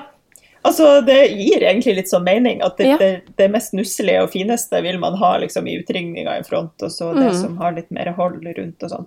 Men Ja. eh, det, for det som skiller den her en, braletten som jeg har testa fra andre typer BH, er jo at det er en sånn sports... eh, En sånn bred strikk som den strikken Ja. under. Og Det er sånn hadde som på sikkert ikke du boksere, liksom. Ja. Ja. For det gir jo på en måte litt mindre mm, stabilitet, kan jeg se for meg, hvis den ikke er stram nok og sånn. Mm. Men for meg funka jo det helt grutegodt. Hata ting stramma. Eh, så det er den eh, varianten jeg har sydd, den har liksom en sånn bred sak under koppene, som da går over i å få power mesh i tillegg på toppen bak. Dette gleder jeg meg til å se sånn ordentlig bilde av. Jeg har jo bare Ja. sett sånn kjapt på klippebordet-bildet. Ja. Yes, yes, yes. Men det høres jo nydelig ut. Jeg syns den ble veldig fin, altså. Ja. Og så kan jeg jo nevne også, Du har jo prata masse om disse spilene som er en sånn U under puppen. Mm. På det mønsteret her så var det egentlig anbefalt at man skulle ha en sånn liten vertikal spile under armen. Altså i sidesømmen, på en måte. Der Mm. koppen blir sydd fast i eh, power meshen til båndet bak. Der i den sømmen kunne man legge en sånn vertikal spile, da, sikkert for å holde koppen og båndet litt mer stabilt. Eh, det hopper jeg elegant over, for jeg tenkte det trenger jeg ikke. Og det føler jeg ikke jeg gjør heller. Altså, Den sitter helt eh, superfint. Kanskje da fordi har brukt, vi har brukt de her bra stoffene fra Beware, som jo er veldig stabile. Så det er ikke sånn at jeg føler at den liksom kollapser under armen der i sidesømmen. Ja, jeg tror Ja. også det er vesentlig, fordi Og det skal jeg skyte inn at for når man har litt å holde på plass, så er Mm. jo det å legge til en ekstra liten spile i siden veldig lurt. Det kan man gjøre. Ja, Eh, Men, eh, men ja, jeg, vil, eh, jeg er med på det. At jeg syns med, med de stoffene her at det har fungert kjempegodt. Men jeg vil tro at på mykere stoffer så er man nok avhengig av det, for at ikke det skal bli så mye sånn tyt, eksempel. Akkurat der. Det er jo noe med at hvis det er strikk oppe og nede og, ikke, og ingenting imellom der, at det kommer en sånn bulk ut, det vil jo en spiller hjelpe til med. Eller Mm. at ting krøller seg sammen. Ja, nettopp. Yes. Så ja, så det, der er vi enige. kult, kult, kult. Men i forhold til finish eh, langs kanten eh, øverst, da, så er det jo For det er jo mye, mye som sys på med sikksakk og sånn. Eh, Men jeg vil skyte inn et tips som jeg Jeg har ikke sett jeg har ikke sett det her noe sted, dette bare fant jeg ut sjøl, for jeg hadde litt power mesh til overs. Så jeg testa. Jeg har faktisk brukt, i stedet for noen sånn nusselig kant uh, midt foran da, på den ene BH-en jeg har sydd, som er sånn uh, color blocking, hvor alle de delene i koppen har forskjellige farger, eller forskjellige rosa og røde toner, da. Så tok jeg power meshen og bretta, så den ble et bånd, og så sydde jeg den langs kanten i utringinga, så den blir liksom litt mindre nusselig. Uh, Men samtidig så gjør den samme nytten da, som en strikk, ettersom den er såpass elastisk. Så det, det ble jeg veldig fornøyd med å gjøre. Kult. Men- og da bretta du i langs i, i bredden, på en måte, eller på tvers av de lange hullene? Du, da fulgte jeg ikke det i det hele tatt. Da tok jeg fordi jeg fikk en strimmel som rest. Yeah. Og her er jeg sånn på dette, siden det er syntetiske stoffer, så skal jeg bruke okay. opp hver millimeter.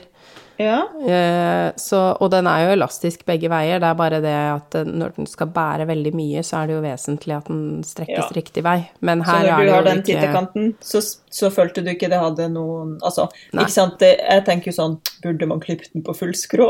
Men det trenger man ikke. Nei, man trengte jo ikke det her. Nei. Så den la seg bare Jeg tro, tok ikke så mye Jeg tror jeg bare stramma den én centimeter ekstra over puppen der, på en måte. Det kommer jo an på hvor mye man vil at den skal holde inn, og det er jo viktig å huske på at mange av de her holdningstingene er jo liksom personlig. At man må se på sin kropp hvor mye man skal stramme.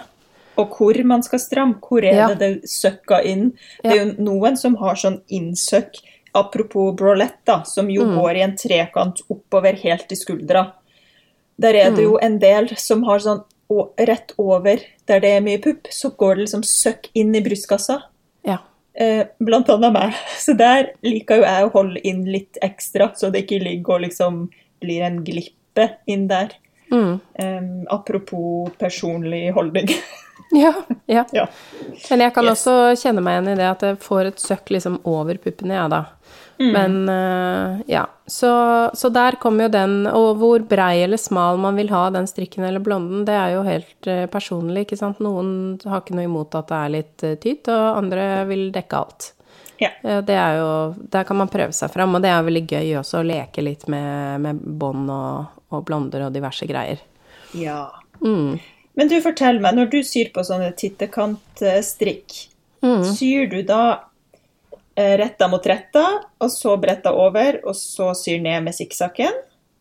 Ja. Og det, det var veldig uvant, syns jeg, å sy ting liksom med en sikksakk synlig sånn fra retta. Ja. Men eh, på en måte syns jeg det er litt koselig òg. Jeg syns det er sånn litt nostalgisk, fordi det ikke er så veldig sånn eh, teknisk spesialutstyraktig. Men det er sånn det ser ut på kjøpeting òg. Eller hvert Ja, ja. mange av trusene mine er jo sydd sånn. Så da Ja. tenkte jeg sånn, hallo, selvfølgelig er det sånn.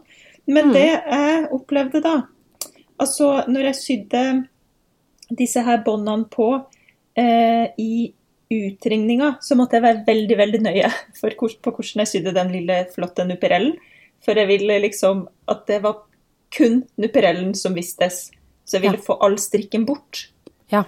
Og i tillegg så var det litt sånn veldig finurlig øverst, for den bruletten går jo sånn trekant oppover og blir til liksom stroppen i front. Ja, det er litt utfordrende der ting møtes.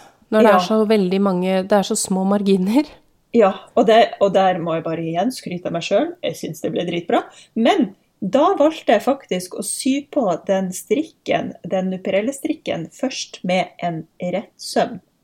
Og så brette den over og, mot eh, vranga, og så sy den ned med sikksakk. Og logikken min her er dette er en vertikal søm. Det kommer aldri til å bli så mye strekk på den at den rettsømmen går uansett, så da gjorde jeg bare det. Ja, og den var jo egentlig en hjelpesøm, fordi det er jo sikksakken er Ja. jo der. Ja. Ja. Ja, det er, øh, jeg øh, kan støtte den teorien. Det jeg gjør, er at jeg syr en sikksakk i stedet for. Så jeg syr også en søm først, rett mot rett, søm helt ut i kanten, bare sikksakk i stedet. Brette rundt, sikksakk fra retta. ja. Så samme greie, bare at uh, rett som er på en måte litt mer effektivt, og da bruker du du, kanskje den som en guide. Ja, jeg gjør det. Ja. fordi der måtte Ja. liksom være akkurat på kanten til der nuperellen begynte, og da var det så digg å ha rett sammen, syns jeg. Ja, ja, jeg kan se for meg at det hjelper nok litt. Jeg syns jo det er litt gøy å sitte sånn og Å nei, nå bomma jeg. Da kan, må jeg gjøre ja, Akkurat med BH så, så aksepterer jeg ganske mye som jeg syns er kjipt ellers. Det er sikkert fordi det er så smått at det går fort å sprette opp. Ja, ja, ja. Og der må jeg bare igjen, eh, apropos sånn hvordan man avslutter og syr ting sammen og sånt. Jeg syns jo det er jo mange ganger at jeg ser at i stedet for å ha vrangsydd eh, på båndene og så bretta over, sånn at liksom det ser vrangsydd ut på innsida, så ligger på en måte råkanten der. Og med fabrikkmaskin så klarer de å sy sånn vakkert, sånn at den der cover-stitchen eller sikksakken kommer sånn akkurat over råkanten, og det ser bare eh, smashing ut på innsida. Så flink, holdt jeg på å si, ikke jeg. Og da får jeg litt eksem av at jeg ser den råkanten inni. Så da jeg må bare vrang, altså jeg må vrangsy alt. Til og med den der brede strikken nederst på min brolett, da. Den Mm. sydde jeg også retta mot retta. Og da var jeg så nerd at jeg tråkla den på med en rett søm med stor stinglengde, bretta over, sydde ned med sikksakken og dro ut den tråklesømmen. Ja, jeg setter jo pris på at du gjør sånne nerdete ting. Det er veldig fint. Ja. Og jeg merker at jeg eh, Ja, jeg gjør det nok heller flere ganger og litt sånn slumsete og, bare øver, sånn at jeg får stålkontroll i stedet for Men det vil jo Det er jo som man sier, go slow to go fast. At egentlig det å ta den tråklesømmen er jo noen ganger lurt. Men Ja, altså, eh, det, vi ja. bruker kanskje i, i eh, Hva heter det? Summa summarum bruker vi kanskje like lang tid, for etter hvert Ja, så får du dreisen på det mens jeg fortsatt driver og tråkler og sier. Men, men eh, ja. Ja, ja, det er det jeg liker eh, så godt når jeg ser den utviklinga. Så da, da gjør jeg det. Men en ting som jeg uh, må skyte inn som ikke ble sagt i stad da vi snakka om nåler, og det at det er lett å trykke det stoffet ned i stingplata hvis man har feil nål. Men med alle disse bitte små søm, eh, bitene og bitte små sømrom For det er jo eh, gjerne litt mindre sømrom på de her mønstrene man kjøper til undertøy, og gjerne inkludert, så man må ta det man får. Yes. Og det, det, jo, det er jo lett å få, lettere å få det presist da, hvis man ikke har så mye sømrom. Men uansett, eh, da ender man jo veldig ofte med at man får stoffet ned i stingplata hvis ikke den Ja. får frakta stoffet ordentlig. Så et tips der er begynn heller litt inn på stoffet og rygg bakover når du skal begynne å sy Amen. for å unngå ned reiret. Eller hvis du er så heldig at du har rettsømsstingplate til din symaskin, så har jeg også fått et tips da fra Marianne om man kan bytte den eh, plata sånn at eh, For det med, med rettsømstingplate, så skjer jo ikke det. Eh, det Men da kan du jo kun sy Ja, Ja. kun sy med rettsøm. Jeg tenkte Ja. bare sånn mm, Ja. Det er såpass mye sikksakk involvert at jeg syns det er bedre å for min del å begynne litt inn og sy bakover, for jeg vet at jeg kommer jo ikke til å huske det med den stingplata. Eh, og så har jeg faktisk ikke det til mine maskiner heller. Men eh, Så det er bare et lite sånn obs, obs. Og jeg syns også det hjelper å holde i trådene. Når jeg har fått et sting nede i stoffet, så tviholder jeg på de trådene og gir litt drahjelp i begynnelsen, bare for å frakte det skikkelig. Yes, Eh. det er også et veldig godt tips. Det er det jeg endte opp med, med, min, med når jeg sydde. Ja, for det er sånn, sånne ting som man kan bli ganske rasende av i begynnelsen, hvis det skjer gang på gang på gang, fordi man glemmer at det ikke er vanlig stoff. Ja. Eh, For de kan jo også være litt sånn glatte å få tak i og sånn. Ja. Ja. Og et tips i forhold til når man syr på de der små tittekantene og strikkene og sånn, der kan man jo la strikken være såpass lang at man starter å sy i strikken før man begynner å liksom sy strikk sammen med stoff. Ja. For der ja, har man jo kanskje gjerne litt eh, tatt høyde for at man har litt ekstra strikk. Ja, det er jo et godt Ja. poeng. Jeg er jo så gjerrig på de her settene mine at jeg, jeg klipper jo ned på millimeteren omtrent. Sånn at jeg vet at da kan jeg kanskje klare å få en ekstra bh ut av det. Ja. Så jeg vet f.eks. at på ett kanalbånd til et sett, så er det eh, plass til Det er til tre spiller, det vil si da en og en halv bh. En og en halv BH. Så hvis jeg kjøper to kit og er kjempelur når jeg klipper det kanalbåndet, så har jeg til tre. Smart. Mari. Sånn, altså, eh, jeg, har, jeg går sånn full zero waste inn på denne BH-sømmen, og jeg syns det er så gøy. Det er bra. Men det er du- bra. Skal vi fortelle om rabattene før vi tar ukas feil, eller?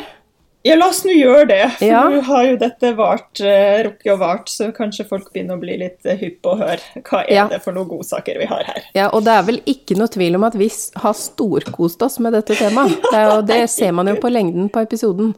Ja, og jeg må jo bare si at til en, eh, til en fri pupp-kvinne å være, så er jeg altså veldig imponert over hvor glad jeg ble av å sy bra. Ja, det er gøy. Ja, det er kjempegøy! Ja, OK. Vil du ta rabatten på, eh, på materialene fra Beware? Ja. Som vi har nevnt, så er jo ukas sponsor Beware. Så da, hvis man går inn på beware.se, så er koden SOMMERLIG, og da får man 10% rabatt. Det er da bokstaven B for Bodil, where.se. W-e-a-r.se. Herlig! Da har man jo 10% rabatt som varer i to uker, da. Fram til 26. november. Veldig kult. Jeg tror jeg må inn og bestille meg noe sjøl. Ja. Yes. Og så sponsor eh, nummer to. Altså nå har vi jo på en måte fått sponsa eh, materialer og pakker og, og mønster og sånne type ting. Så den andre som eh, sponsa oss for å kunne teste litt diverse, det var jo da Madeline. Som er en dame som lager mønster til undertøy. Og nettsida hennes er madeline.com. Og der får dere en såpass sjenerøs rabatt som 50% av det mønsteret jeg har testa, som er et PDF-mønster. Og her må jeg bare med en gang skyte inn. dritbra med PDF-mønster i BH, for det er så små deler at man ikke trenger å teipe noe sammen nærmest. Det gikk så fort. Det var jeg fornøyd med. Um, den buraletten jeg har testa, den heter da Maris, eller Maris, eller hva vi skal si. Det syns jeg var litt gøy. Det, det var litt forvirrende. Ja, det var forvirrende i det dokumentet når det var sånn Maris bralett. Nei, ja, men har, dette er en misforståelse. Jeg har jo ikke sydd noe bralett. Yes. Den heter det altså Maris Bralett. Og grunnen til at jeg valgte denne, det var altså fordi det var et så stort spenn på, um, på størrelsene. Så jeg tror jo at alle absolutt kan finne sin størrelse. Og man kan variere koppstørrelse også, så man kan sy ekstra small med en E-kopp eller enn. Så det er mulig å tilpasse det sånn. Um, så inne på Madeline eh, sin side, madeline.com, det skal jeg stave det, M-A-D-A-L-Y-N-N-E. Madalynne. Madalynne, rett og slett. Ja. Der kan man gå inn på Do It Yourself Lingerie Supplies, og der har man Sewing Patterns. Og der finner man denne her, Maris. Og i tillegg til braletten så får man da også mønsteret på en truse også. Og det er en tangatruse, men jeg har gjort research, og Madeline har en video på YouTube der hun viser hvordan du kan gjøre den trusa om til vanlig truse. Så det er, altså, her er det bare vinn-vinn. Så det er altså 50% på dette mønsteret.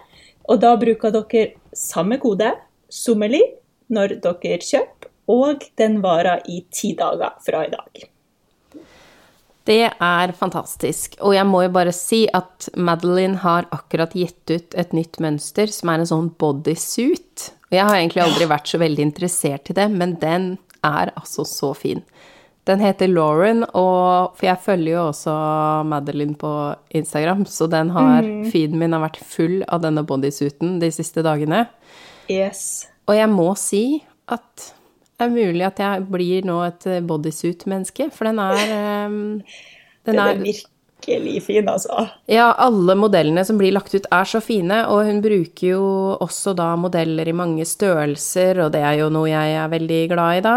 Så mm. ja, superinspirerende, rett og slett. Veldig kult. Så her er det masse kos. Yes, så følg Madeline på Insta, og også benytt dere av den rabatten, fordi det Ja truse og BH. altså. vi har jo snakka om truse langt og lenge i forrige uke, så da burde jo alle være veldig klar for å si det òg. ja, og jeg må bare si at uh, Beware har faktisk også lagt ut Lauren uh, bodysuit-bilder på sin ja! Instagram denne uka. Det er veldig gøy at, uh, at, de, at, det har vært et tema når begge våre sponsorer faktisk på en måte har en eller annen link. Kult. Det er veldig gøy. Så vi skal selvfølgelig på Instagram eh, legge ut eh, begge disse kontoene, sånn at dere finner dem. Yes. Ja, men kult, Mari. Skal, ja. Er det avrunding på gang? Ja. Nå har vi jo strengt tatt uh, eh, snakka langt om uh, lenge om disse bh-ene, og vi på en måte kan vi vel si at vi gruer oss litt til å legge ut disse bh-bildene på Instagram. Vi får se om vi tør å ha dem på oss eller ikke. Jeg har ikke noe problem med det. Nei. Nei, da gleder vi oss Men, til å legge ja, ut de bildene. Oss. Gjør vi ikke det? Og jeg syns dine, de du har lagt ut, har vært så flott. Dette har jeg tenkt sånn Yes, Mari, dette er kjempebra. Ja, jeg gruer meg hver gang. Oh, ja, du gjør det. Det kommer, Nei, så mye suspekte, kommer så mye suspekte følgere, vet du, når man legger ut litt oh, ja. pupper. Så Det har jeg ikke opplevd, ja. Nei. Det er, kanskje noe, det er kanskje litt ekstra hvis man har litt størrelse på dem, jeg vet ikke, men uh, vi, vi men på Sømmeli tenker jeg at der, der er det ganske trygt. Vi kan være aktive på blokkefingeren hvis det skulle være. ja. Men bær over med oss hvis det kommer litt pupper i feeden deres eh, framover, fordi dette syns vi er gøy. Ja. Må jeg ta feilen min litt sånn kjapt? Ja, ja, ja, vi lovte jo at vi skulle dele feilen din, og min feil det var jo den bomullsbh-en, eh, selvfølgelig. Ikke sant. Ja. Nå skal jeg prøve å være rask. Og dette her Eh, denne feilen er i kategori eh, dårlig tid, selvfølgelig, for det er symesterskapet-feil. For det, min aller første bh som jeg sydde, det var jo da i symesterskapet under eh, enormt press. Sydde alt feil. Sydde sammen liksom koppdelene nederst feil, altså måtte klippe alt på nytt, bla, bla, bla. Men den største feilen, altså det var mange feil, men den største feilen, det var Og dette her handler jo om disse her kantestrikkene vi har snakka om, og at man vrangsyr de og syr de ned, og at de på en måte skal tyte ut forbi båndet bak så så mye for å passe inn i lukkinga. Ja. Fordi den lukkemekanismen har jo en viss bredde, og den får du ikke gjort så veldig mye med, for den er liksom støpt ut. Eh, Så du må jo passe på at båndet ditt bak, som skal gå inn i denne lukkinga, at det skal samsvare i bredde. Det klarte ikke jeg. Det det er faktisk en vesentlig detalj at det er noe Ja. man eh, typisk kanskje tilpasser på mønsteret. Hvis man har Ja. en eh, Veldig ofte så er den ganske brei, så man må veldig ofte klippe bort litt. Nettopp. Mm. Så mitt bånd da, som skulle inn i, eh, i eh, denne lukkinga, var jo altfor smalt. Alt var jo ferdig sydd, det var det siste jeg skulle sy på. Så da måtte jeg jo ty til å brette inn de kantene og sy de ned for hånd. Og det ser, jeg ser på det nå, her jeg sitter, jeg har den i fanget. Det er det styggeste jeg noen gang har gjort. Men det var nødløsninga da, for å få det til å se riktig ut fra retta, men de klokka meg. De er bare sånn Dette ser litt smalt ut. Og så snudde de den lukkinga og så bare sånn Ja, her har du tatt en liten morsom løsning. Bare, ja. ja. Så pass nå på, sjekk den bredden, og også sjekk, fordi det er så fort gjort når man syr de der tittestrikkene, at det plutselig blir litt smalere, litt bredere enn man hadde tenkt når man har fått vrengt og sydd de ned med sikksakk. Så bare vær veldig obs akkurat der. Det er eh, et eh, godt poeng, og det der kunne mange ha gjort feil. Jeg har eh, måttet gjøre på min første BH, var det motsatt. Da jeg, Ja. måtte jeg fjerne en centimeter. Måtte jeg sprette opp og gjøre det på nytt. Jeg Ja. var frista til å bare rynke det litt sammen og stappe det inni. Jeg gjorde det ikke. Bra, Mari. OK! Så bra. Men takk for i dag. Dette syns jeg har vært så gøy. Og tusen takk til eh, Bodil, som eh, har vært så elskverdig å bistå oss i våre BH-prosjekter. Og også er Jeg vet ikke om hun heter Madeline privat. Hun heter Madeline, eller Maddy, som hun kaller seg. Ja, og, ja. Tusen takk til henne for det. Ja. Ja. Jipp, jipp. Og takk for at dere har hørt på da en drøy time, folkens. Det blir jo mye når det blir så mye engasjement, men jeg håper Ja. at eh, den falt i eh, smak, den her òg. Det får vi tro. Yes. Ja, god BH-søm da, folkens.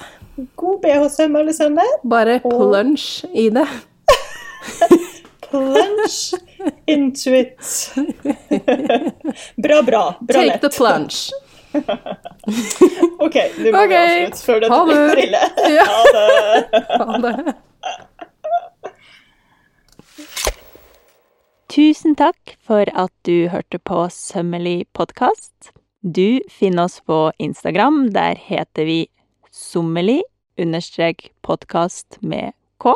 Og ellers kan du kontakte oss på e-post, og da sender du den til sommelig punktum podkast med k at gmail.com. Tusen takk til Andreas Prestmo i Wildtagen Studios, som klipper og limer og sørger for at vi har god lyd. Og tusen takk til Synnøve Ovrid, som lager den fine musikken vi hører.